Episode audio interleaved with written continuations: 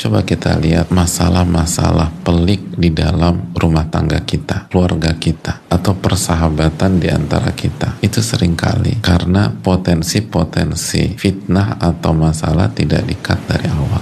Akhirnya kakak adik ribut. Akhirnya orang tua sama anak berantem. Akhirnya istri diceraikan atau suami digugat cerai. Sedangkan Nabi kita mengajarkan kita untuk tidak meremehkan bahaya. Walaupun masih terlihat kecil dan beliau sangat sayang sama kita. Anak-anak melakukan kemungkaran jangan dibiarkan. Udah pada gede-gede Pak Ustadz, hancur nanti. Nanti anak kita hancur, cucu kita ikut hancur, cicit kita berantakan. Makanya penyakit itu kan mulai dari stadium 1 hadir. Dibiarin nih, stadium 2, stadium 3, stadium 4, terminal. Oh udah dokter angkat tangan. Ya sebelum sampai di situ selesaikan. Kalau nggak berantakan semuanya.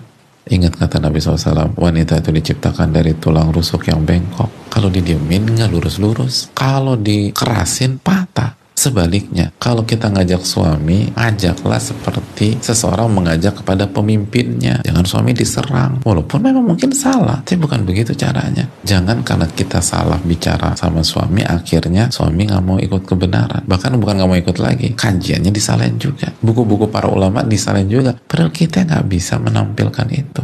Jadi islah ini penting berbuat baik dan berusaha memperbaiki lingkungan. Itu maksud Islam. Dan mulai dari skop kita yang terkecil